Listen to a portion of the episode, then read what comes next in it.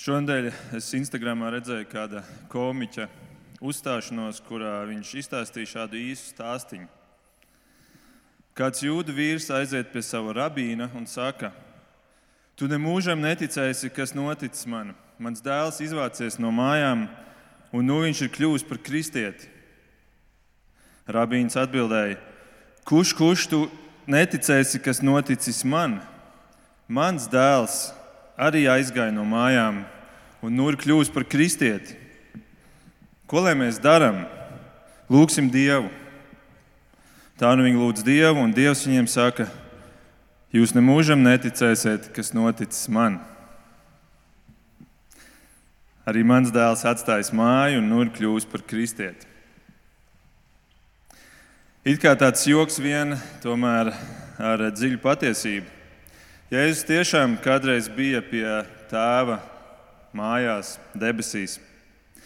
Un tad viņš atstāja viņu un uh, nāca pie cilvēkiem. Atstāja viņu, lai nāktu pie cilvēkiem, lai kļūtu pats cilvēks un kļūtu par kristieti. Par pirmo kristieti, par Kristu. Un viens no viņa pirmajiem mācekļiem, iespējams, pats pirmais, vārdā apustulis Jānis vēlāk saraksta grāmatu, kuras centrā ir viena galvenā doma, viens galvenais mērķis, un to viņš min 20. nodaļā, 31. pantā. Viņš raksta, ka zīmes un brīnumi, ka šīs ir rakstītas, lai jūs ticētu, ka Jēzus ir Kristus, Dieva dēls, un lai jums, kas ticat, būtu dzīvība viņa vārdā. Tātad redzēt ticība tam, ka Jēzus ir Kristus, ka Jēzus ir Dieva dēls, ir tā, kas spēj mums dot mūžīgo dzīvību. Tādēļ galu galā svarīgākais jautājums tavā dzīvē un manā dzīvē ir, kas ir Jēzus Kristus? Kas ir Jēzus Kristus? Kas viņš ir pa īstam? Šodien cilvēkiem un arī jums šeit klātesošiem ir dažādas versijas par to, kas ir Jēzus. Katram ir savs tāds tā kā attēls galvā. Un, un, un teoloģijā šos attēlus sauc par psiholoģiskajiem attēliem. Psiholoģiskais attēls, kuru es esmu izveidojis par Dievu, par Jēzu Kristu. Un šādu psiholoģisko attēlu pasaulē ir miljardiem. Katram cilvēkam ir savs. Un, tādēļ ir tik svarīgi, ka mēs um, ieklausāmies pašā Jēzu, ko viņš saka par sevi. Un tagad, kad mēs šodien to darīsim, es gribu, lai jūs uzdodat šo jautājumu sev, vai viņa vārdi liecina par to, ka viņš tiešām ir Dievs. Kādus pierādījumus viņš var dot tam, ka viņš liecina par sevi kā par Dievu. Ja jūs esat sekojuši līdzi, tad jūs zināt, ka iepriekšējās četrās nodaļās mēs dzirdējām daudzus lieciniekus, kurus šis, šīs grāmatas autors Jānis aicina tā uz tādas skatuves, tā kā tādā tiesas sēdē mēs tā esam runājuši. Aicina, lai liecinātu par Jēzu, vai viņš tiešām ir Dievs. Un Šie daudzie liecinieki viens pēc otra saka, ka mēs ticam, ka Viņš ir Dieva dēls, ka Viņš ir Kristus, ka Viņš ir pasaules glābējs. Un savā ziņā tagad ir pienākusi tā kārta, kurā pats Jēzus tiek aicināts uz skatuves. Pats Jēzus tiek aicināts, lai nodotu liecību par sevi. Un tāpēc es aicinu, ka jūs varētu atvērt savās bībelēs Jāņa evanģēlīja 5. nodaļu. Būs arī uz ekrāna redzams, bet, ja jums ir bībeles, tad jūs viņu varat turēt sev priekšā, jo ir vērts arī ieskatīties tekstā, lai, lai redzētu arī to plūsmu. Jāņem evanģēlīja 5. nodaļa, sākot no 17. panta, mēs šodien apskatīsim līdz 29. Un es atgādinu, mēs šobrīd esam notikumā, kurā tikko ir ticis dziedināts vīrs, kurš bija 38 gadus slims. Man ir 40 gadi, šis vīrs bija 38 gadus slims. neiedomājami un cik skaists ir šis notikums šim vīram. Bet tas, kas apbrīnojami ir atrodams šajā stāstā, ka tad, kad tiek aprakstīta visa šī dziedināšana, tad ir viens pantiņš, kurā 9. pantā ir teikts, bet tā diena bija sabats. Viss ir skaisti, viss ir jauki, ir tikai viens bet, maziņš bet. Bet šis maziņais bet Jēzus dzīvi pagriež citā virzienā. Un to mēs redzēsim tūlīt. Proti, ir sabats, un jūdi sabatā nedrīkstēja strādāt. Jūdi bija izdomājuši visādus noteikumus, tā skaitā, tu nedrīkstēji nest savu gultu, savu matraci, un to darīja šis vīrs, kurš tikko tika dziedināts. Un, starp citu, šodien mēs varbūt, es domāju, jūs arī esat sekojuši līdz ziņām. Šobrīd Izrēlē notiek uzbrukumi no divām pusēm. Un, Un, uh, tas uzbrukums sākās vakar, kas ir tieši sabats. Un šie musulmaņi to arī savā veidā dara sabatā, tāpēc ka Izraels sabatā ir mazāk spējīgi sevi aizsargāt. Jo vēl šodien viņiem ir kādi noteikumi, pie kuriem viņi turās, ko viņi nedrīkst darīt sabatā. Bet tā nu iepriekšējā daļa beidzas ar 16. pantu, un tur tas pants skan šādi. Un jūdi tāpēc sāka Jēzu vajāt, ka viņš to bija darījis sabatā. Mēs redzam, jūdu reliģiskā elite vadība sāk Jēzu vajāt, un tad no šīs spriedzes punkta, no šī brīža, kurā viņi pieņem šo lēmumu doties pakaļ Jēzum, no šī izvēršas saruna kura ilgs līdz nodaļas beigām, un kurā Jēzus izteiks virkni šokējošu apgalvojumu. Un šodien mēs apskatīsim šos pantus, un eh, tajos es vēlos izcelt četras pazīmes, kuros, ar kurām Jēzus manifestē savu vienlīdzību ar Dievu, kas šiem jūdiem, protams, bija šokējoši dzirdēt. Viņuprāt, tā bija zaimošana. Jēzus dod četras pazīmes, ar kurām viņš manifestē savu vienādību un vienotību ar Dievu. Un pirmā pazīme ir, viņš saka, ka viņam ir vienādi darbi kā Dievam. Viņam ir vienādi darbi kā Dievam. 17. pantā Jēzus saka, Mans tēvs aizvien vēl darbojas, tāpēc arī es darbojos. Mans tēvs aizvien vēl darbojas, tāpēc arī es darbojos. Tātad Jēzum pārmet, ka viņš sabatā strādā un viņš to pamato savā vienotībā ar tēvu. Viņš saka, ka mans tēvs aizvien vēl darbojas, tāpēc arī es darbojos. Citiem vārdiem sakot, mans tēvs strādā sabatā, tāpēc arī es strādāju sabatā.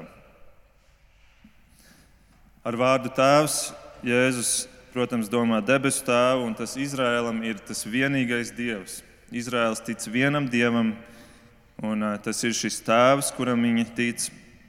Bet viņi paši neatļāvās viņu saukt par tēvu. Tāpēc, ka jūda izpratnē tēvam un dēlam ir vienāda daba. Līdzīgi kā mēs teiktu, ja tēvs ir karalis, tad dēls ir princis. Viņi abi ir no vienas ģimenes, no vienas karaliskās ģimenes. Līdzīgi, ja tēvs ir dievs, tad arī dēls ir dievs. Un tā nu šis pirmais teikums jau izraisa tik daudz sašutuma, satur tik daudz dinamīta, ka jūdi tiek novesti līdz baltkvēlēji un ir gatavi paveikt pašu galējo atriebību, proti, slepkavību. Jo nākamais pāns, 18. skan šādi. Šo vārdu dēļ jūdi vēl vairāk meklēja viņu nokaut. Vēl vairāk meklēja viņu nokaut, tāpēc ka viņš nevienu sabatu neievēroja, bet darīja kaut ko vēl ļaunāku viņa prātā. Arī Dievu sauca par savu tēvu, sevi pielīdzinādams Dievam.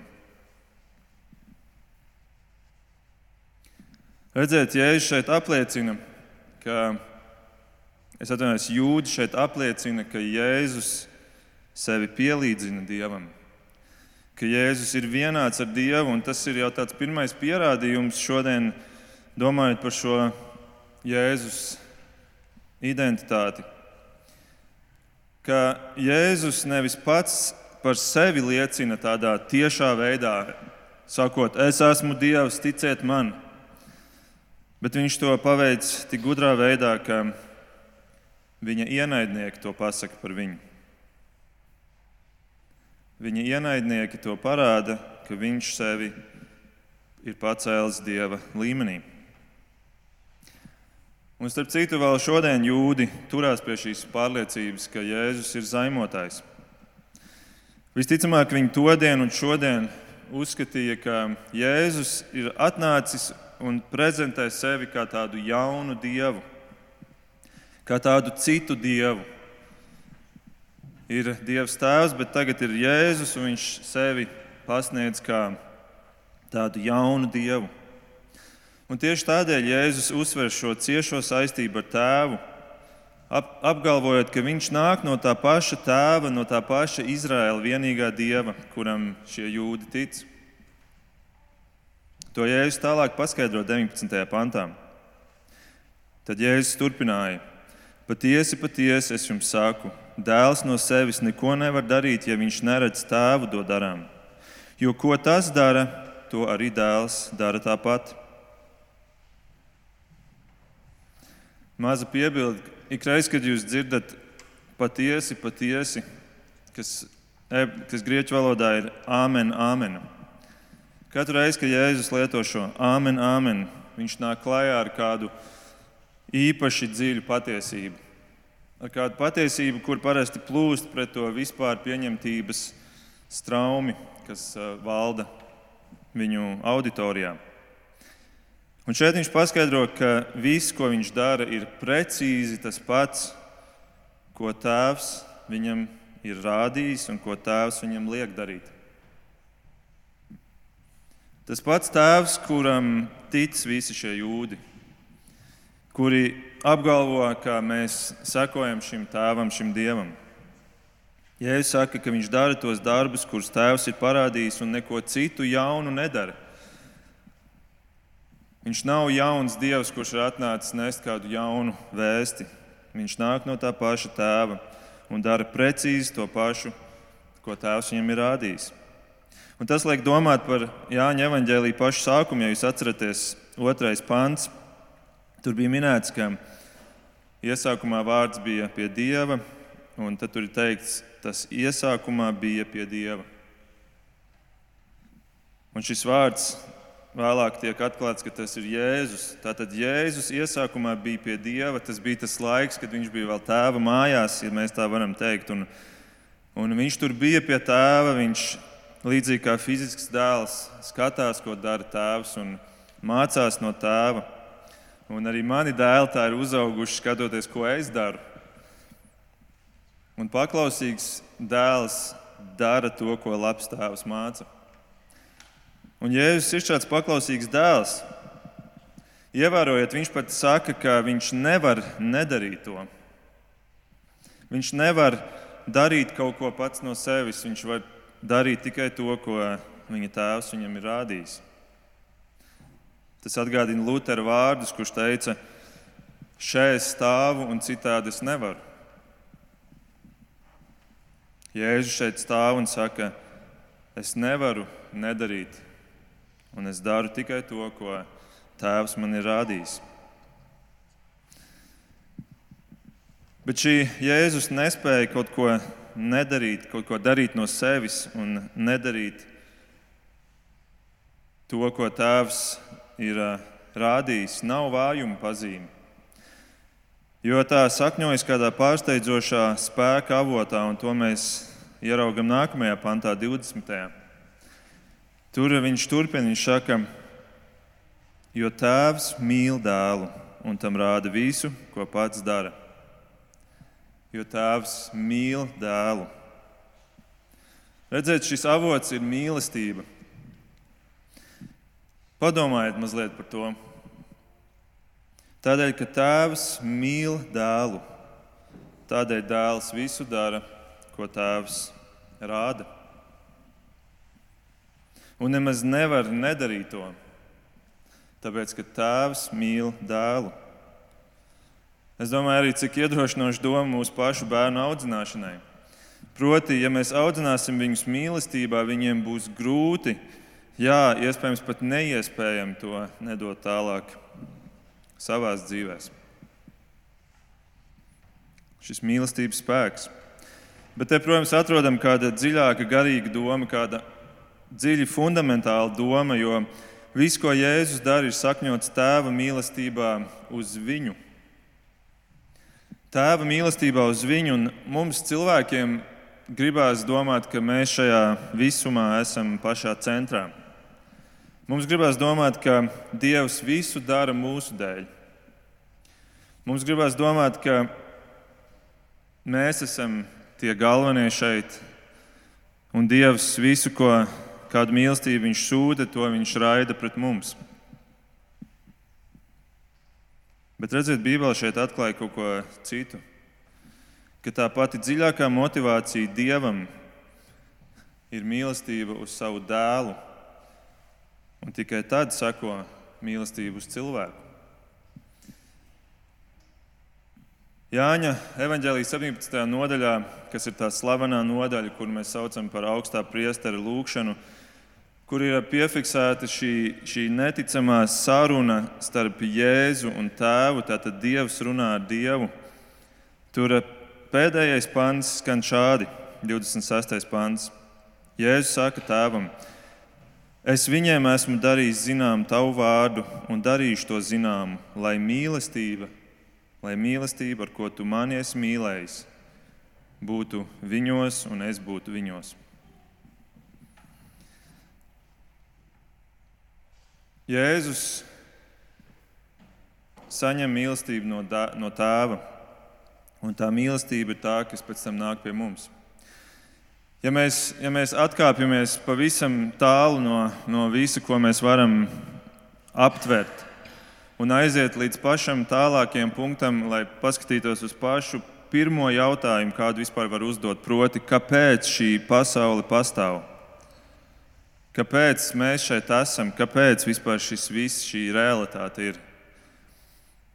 Tad Bībele atklāja, ka tā, tas iemesls, kāpēc Dievs rada pasauli, ir tāpēc, lai Viņš savā mīlestībā dēlam izredzētu līgavu, kas ir draudzene, un šo līgavu dotu viņam kā sievu. Un tāpēc Bībeles pašās beigās ir minētas kārtas, kurās dēls Jēzus tiek saprecināts ar šo līgavu.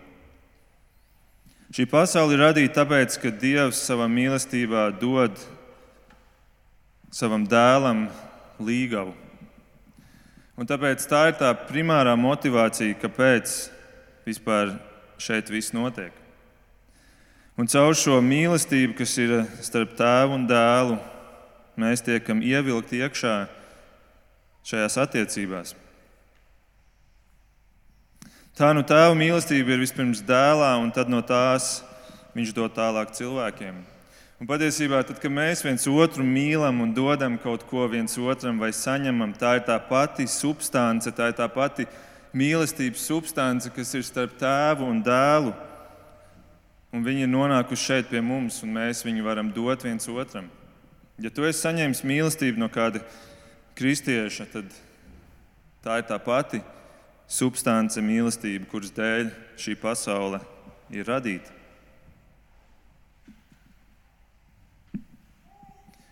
Lūk, tāda ir Jēzus atbilde šiem asinskārajiem jūdiem.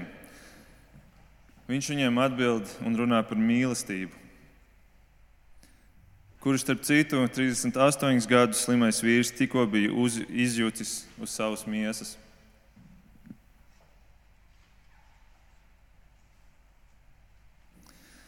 Tā nu Jēzus apgalvo, ka viņam ir vienādi darbi kā dievam.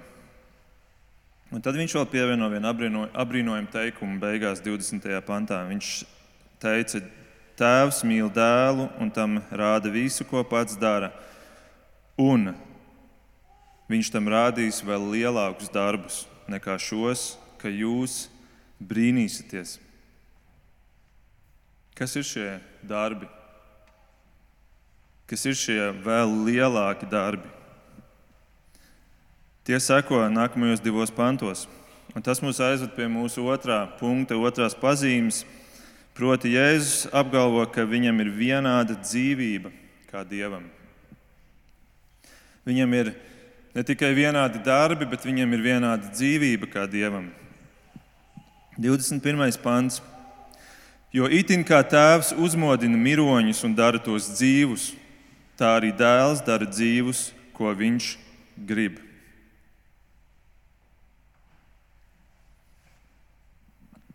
Tad, kad jūdzi šo dzird, viņi, protams, tic tai pirmajai daļai. Viņi tic, ka tēvs spēj dot dzīvību. Kā nekā jūda augstākā autoritāte Mūzus to raksta savā piektajā grāmatā, kur viņš citē Dievu, kurš saka, es nonāvēju un es daru dzīvu, es ievainoju, bet es dziedinu. Viņi tic šai pirmajai daļai. Un, ja mēs domājam par to fizisko pasauli, tad, tad mēs apzināmies, jā, ka dzīvība ir tas pats augstākais, kas šajā pasaulē eksistē. Dzīvība. Cilvēks, kurš ir dzīves, kurā ir šī dzīvība, kuru mēs šobrīd šeit visi klātesošie varam baudīt. Un mēs nespējam radīt cilvēku, dot viņam dzīvību. Mēs spējam tikai šo dzīvību nodot tālāk. Es, to, es šo dzīvību saņēmu no savas mātes. Viņa saņēma no savas mātes. Viņa saņēma no savas mātes un tā tālāk. Tā kā tāda mūžīgās uguns lāpa, kas tiek nodota tālāk no vienas lāpas uz otru.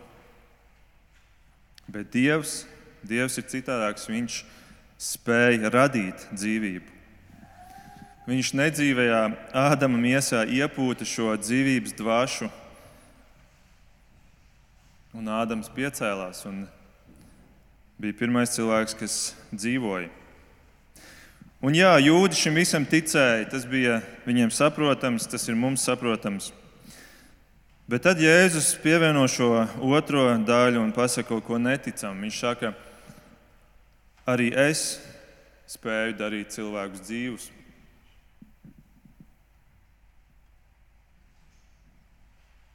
Šajā brīdī es ticu, ka jūdi bija nevien baltkvēlē, dusmās, bet iespējams sāka smieties aiz neticības, smieties, ka šis vīrs ir jūcis, ka viņš apgalvo, ka viņam ir vienāda dzīvība kā dievam.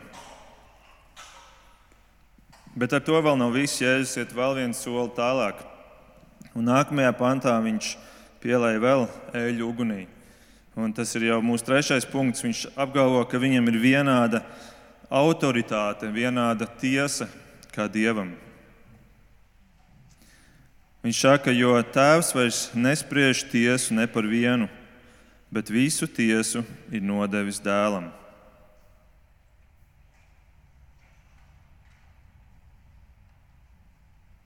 Divdesmit otrais pants. Tātad Jēzus ne tikai saka, ka viņam ir vienādi darbi kā dievam, un tāpēc viņš strādā sabatā. Ne tikai, ka viņam ir vienāda dzīvība dievam, un tāpēc viņš spēja radīt un augšām celt cilvēkus.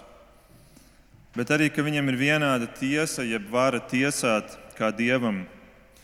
Un ka tēvs vairs to nedara, bet ka viņš to ir nodevis šim Jēzum. Jēzus saka, ka turpmāk viņš būs tas, kurš tiesās cilvēkus. Vienkārši, vienkārši wow, vienkārši. Puh. Es labprāt būtu bijis tajā brīdī tur un, un, un skatījies, redzēt, redzējis, kas notiek šajos klausītājos. Neviens nekad neko tik zaimojuši nebija atļāvies apgalvot par sevi. Un Jēzus pie tam to dara tad, kad jūdi jau ir gatavi viņu nogalināt. Viņš nevis piebremzē, bet viņš vēl iespēj to gāzes pedāli grīdā. Ja es todien tur stāvētu, es pie sevis teiktu, tu esi pašnāvnieks. Tu esi pašnāvnieks, ka tu kaut ko tādu runā šo cilvēku priekšā. Abus šos pēdējos divus apgalvojumus Jēzus izskaidro mazliet detalizētāk, un mēs pavisam ātri apskatīsim to. Tas ir nākamajos pantos, no 24 līdz 29. Pirms mēs noslēgsim ar 23. pāntu, kurā ir iekļauta, mēs varētu teikt, atombumba. Tas būs 23. pāns, bet šobrīd pārlecam uz 24. un apskatīsim līdz 29. Proti, 24. jēzus atkal saka, patiesi, patiesi, āmen, āmen, es jums saku, kas manus vārdus dzird un tic tiem, kas, un tic tam, kas mani sūtīs, tam ir mūžīgā dzīvība. Un tas nenāk tiesā, bet no nāves ir iegājis dzīvībā. Jēzus saka šeit, ka ticība viņam aizvedīs tur, kur jūdi plānoja nonākt kur jūdi bija plānojuši nonākt, un tāpēc visu savu dzīvi pakārtoja šim, šim mērķim, nonākt pie tēva. Jēzus viņiem saka, ticība man aizvedīs jūs uz turieni. Kas, protams, ir atkal šokējoši viņa ausīm un prātam, jo Jēzus saka, ka ceļš uz tur, turieni ne tikai ved caur viņu, bet vēl pie tam ticībā, nevis caur kaut kādiem likumu izpilde, izpildīšanas darbiem vai vienkārši labiem darbiem, kam šodien tic arī vairums kristiešu, bet caur vienkāršu, tīru ticību viņam. Un mēs redzam, ka katrs teikums Jēzus šajā sarunā ir kā sprādziens, vienkārši viens sprādziens pēc otra, tāda sprādzienu sērija. Un, uh, tas ir žēl, ka mēs to neredzam, jo mēs esam tik pieraduši, mēs tikai tā izlasām to tekstu un mēs tā ar galvu. Nu, jā. Bet Jēzus šajā visā sprādzienu sērijā pasaka vēl vienu pārsteidzošu niansu. Viņš nerunā nākotnes formā par mūžīgo dzīvību, bet viņš to dara tagadnes formā. Viņš nesaka, ka ticībā man ir jums būs mūžīgā dzīvība. Viņš saka, jums tā jau ir. Vairums cilvēku, kristiešu, tic, ka tagad mums ir šī laicīgā dzīve. Mēs viņu dzīvojam, mēģinam darīt labas lietas, mēģinam ticēt Dievam. Tad sekos nāve, un tad būs tiesas sēde, kurā izšķirsies mans tālākais liktenis, un tad būs mūžīgā dzīvība. Ja es saku, nē, tie, kuri tic, tie jau tagad sāk dzīvot mūžīgo dzīvību. Un viņi vairs nenāks tiesā, kurai vajadzēja būt pirms mūžīgās dzīvības. Mēs varam jautāt, kā to saprast, vai tad nav tā, ka visi cilvēki tiks tiesāti?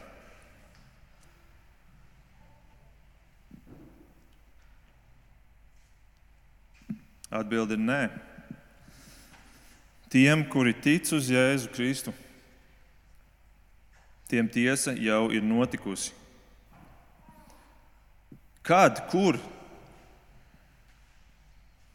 Ap 30. gadu mūsu ērā, tuvajos austrumos, Jeruzalemes apkaimē uz Golgātas kalna. Kāpēc? Tāpēc, ka tur tika tiesāts Jēzus. Tur viņš savu dzīvi, savu pilnīgi tīro, bezgrēcīgo dzīvi deva apmaiņām pret visu to cilvēku dzīvēm, kuri ticēs viņam. Apmaiņā, tāpēc, ka viņš paņem viņu dzīves, šīs netīrās, šīs grēku piesūcinātās dzīves, un viņš viņas uzvelk sev un viņš dodas uz tiesas zāli ar pilnu apziņu, ka viņš tiks atzīts par vainīgu. Pašnāvnieks.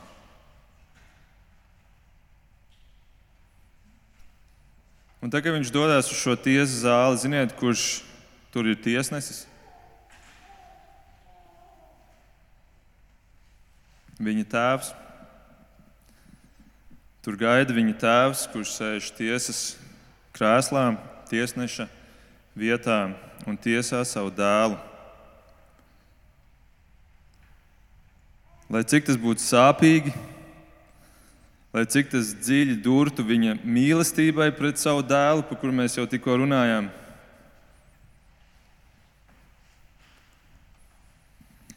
Bet viņš to darīja tādēļ, lai viņa dēlam būtu līgava. Un lai šie dieva bērni, šī līgava, varētu dzīvot ar viņu tur, kur dēls bija sākumā, tēva mājās.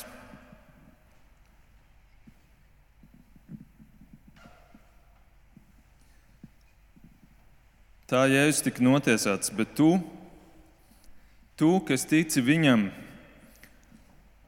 atcerieties apmaiņu, tu stāvi viņa tīrajās, bezgrēcīgajās drēbēs, viņa tīrajā taisnībā. Un tāpēc, tad, kad tu nonāksi tiesas zālē, tu netiksi tiesāts. Jo tu ne tikai esi bez grēka viņa dēļ, viņa dzīves, apvilktās dzīves dēļ. Bet tavā priekšā stāv tiesnesis, kas ir dēls Jēzus Kristus, kuram ir nodota tiesa tiesāt cilvēkus. Kurš pēc tam ir savu dzīvību jau nodevis par tevi. Redziet, kāpēc vajag ticību Nevis visus tos sasodītos liekulības un egoisma piesātinātos labos darbus, ar kuriem mēs gribam izpatikt Dievam. Ir vajadzīga ticība šim Kristus darbam, lai tu varētu nonākt tur pie tēva,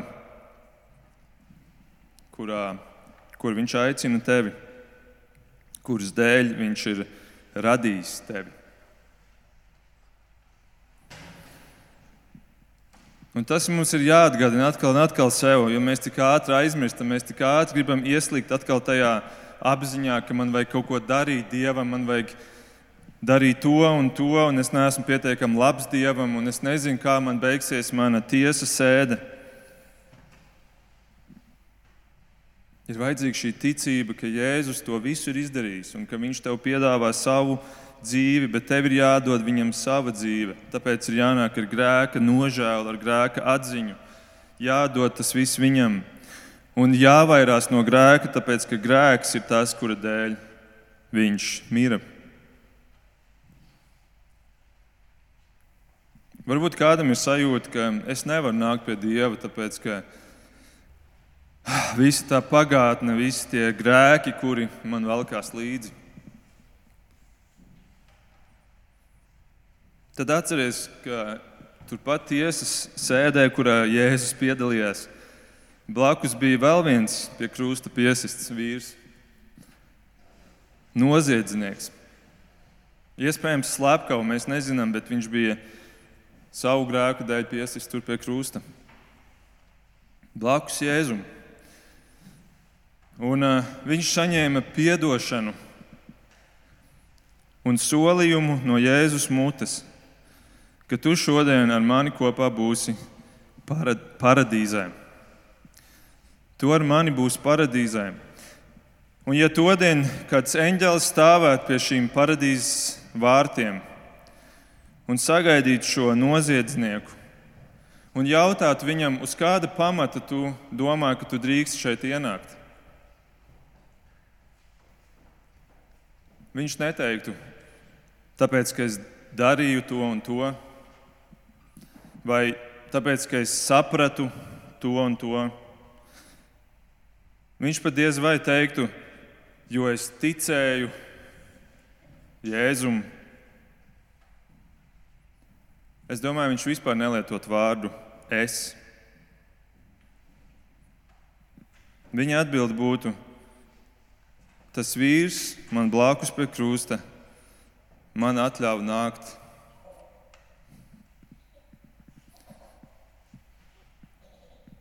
Un tā ir vienīgā pareizā atbilde. Nevis es, bet viņš. Viņš man atļauj nākt. Un tāpēc mēs turpat Jāņa pirmajā nodaļā, kad sākām šo grāmatu studēt, mēs lasījām 12. un 13. pantā, bet cik viņu uzņēma, cik Jēzu uzņēma, tiem viņš deva varu kļūt par Dieva bērniem. Tiem, kas tic viņa vārdam, kas nav dzimuši ne no asinīm, ne no miesas iegribas, ne no vīra gribas, bet no Dieva. Jēzus atļāva, Jēzus gribēja. Un šodienas tekstā, 21. pantā, mēs jau lasījām, dēls dara dzīvus, ko viņš grib. Redzēt, Jēzum ir nodota visa tiesa. Un kuram viņš grib dot mūžīgo dzīvību, tiem viņš to dod. Bet tie, kuri lūdz viņam to, tiem viņš arī grib dot. Un tā nu Jēzus turpina šodienas raksturvietā 25 līdz 29. Viņš saka, patiesi, patiesi, āmen, āmen, es jums saku, nāk stunda, un viņi ir jau klāti, kad mirušie dzirdēs Dieva dēla balsi, un kas būs dzirdējuši, dzīvos. Jo itin kā tēvam ir dzīvība pašam sevī, tāpat viņš arī dēlam ir devis, lai tam būtu dzīvība pašam sevī. Un viņš tam ir devis varu turēt tiesu, tāpēc ka viņš ir cilvēka dēls. Nebrīnieties par to, jo nāk stunda, kad visi, kas ir kapos, dzirdēs viņa balsi un nāks ārā. Tie, kas labu darījuši, lai celtos augšām dzīvībai, bet tie, kas ļaunu darījuši, lai celtos augšām sodam. Un kad jūdi dzird atkal šo šos teikumus no Jēzus mutes, viņi iespējams varēja nodomāt, Jēzu, to ir, to ir viegli pateikt, ka tu tur celsi augšā miroņus. Bet neviens to nekad nav darījis, neviens to nekad nav spējis. Pie tam vēl ar nevis, tu sāki nevis ar kaut kādām medicīniskajām manipulācijām vai kaut kādām burvestībām, bet tu sāki ar balsi Atskanēs balss, un viņi celsies augšā. Bet, ziniet, sešas nodaļas vēlāk pēc šīs sarunas Jēzus augšām ceļ Lācaru. Tieši tādā veidā, kā viņš šeit apraksta, viņš sauc ar savu balsi: Lācar, nāc ārā! Un šo brīnumu, tāpat kā visus pārējos jēzus brīnumus, nereizi šie viņa ienaidnieki neapstrīd. Viņi nereizi neapstrīd to autentiskumu, viņi nereizi neapstrīd, ka šis brīnums tiešām ir noticis. Viss, ko viņi var darīt, ir eh, uzbrukt Jēzum, ka tas nav Dieva darbs, bet ka viņš ir nācis no kādiem dēmoniem. Bet Jēzus šeit pierāda, ka viņam tiešām ir vara pār dzīvību un pār tiesu. Un noslēdzot, mēs atgriežamies pie 23. panta, kas ir arī mūsu pēdējais, ceturtais punkts, mūsu ceturtā pazīme, ar kuru Jēzus apgalvo, ka viņš ir vienlīdzīgs Dievam, proti viņš saka, ka viņam pienāks vienāds gods kā Dievam. 23. pants.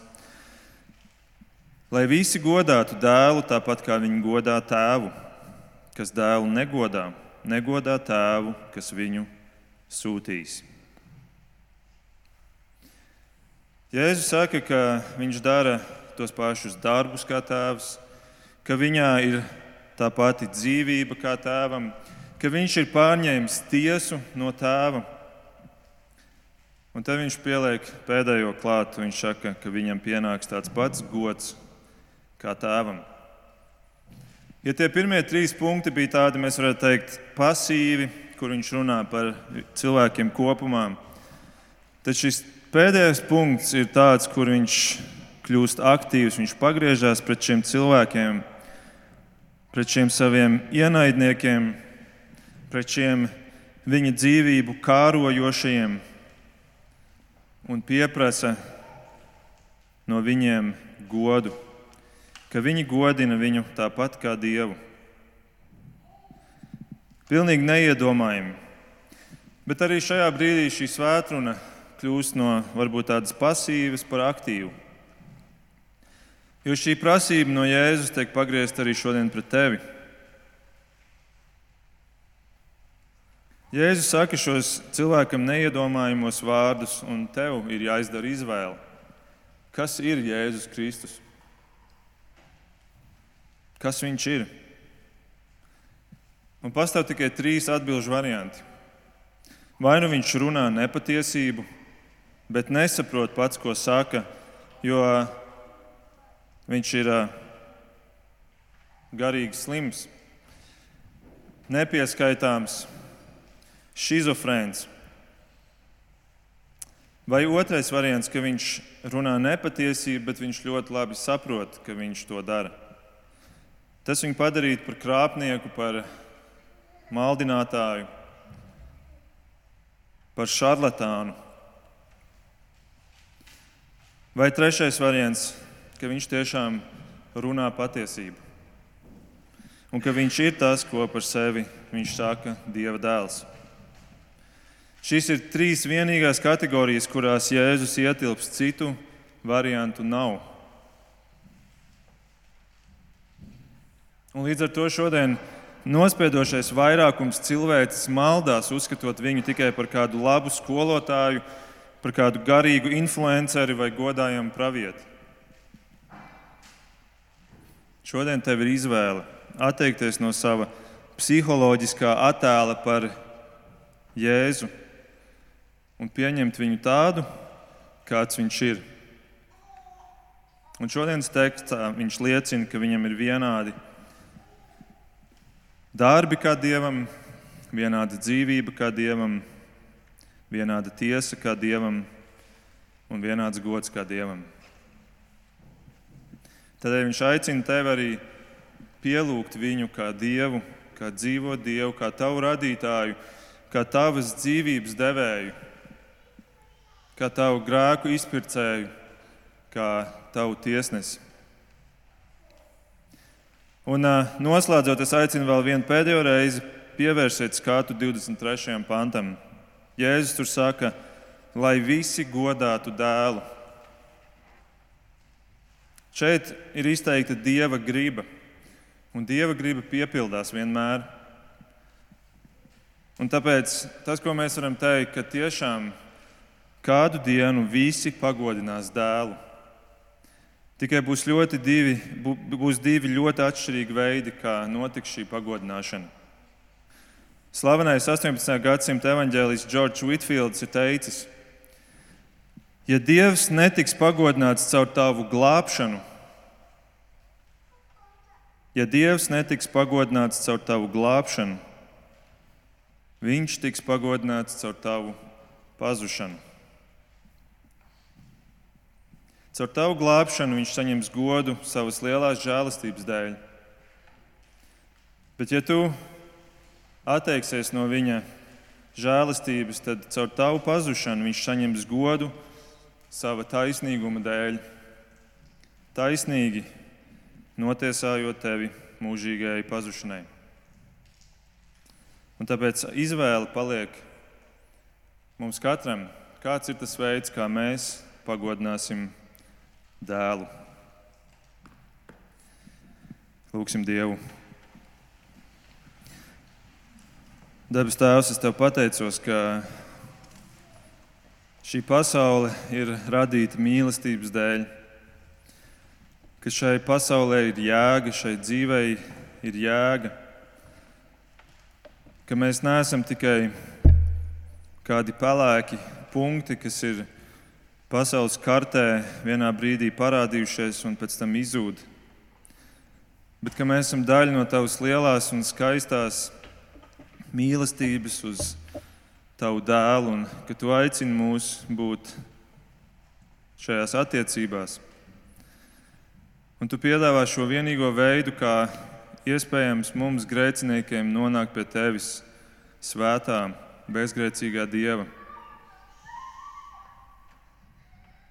Es tev lūdzu par katru, kurš dzird šo vēsti, kurš lasa šos vārdus, ka tu varētu pārliecināt par sevi, kungs. un ka mēs izdarītu šo pareizo izvēli.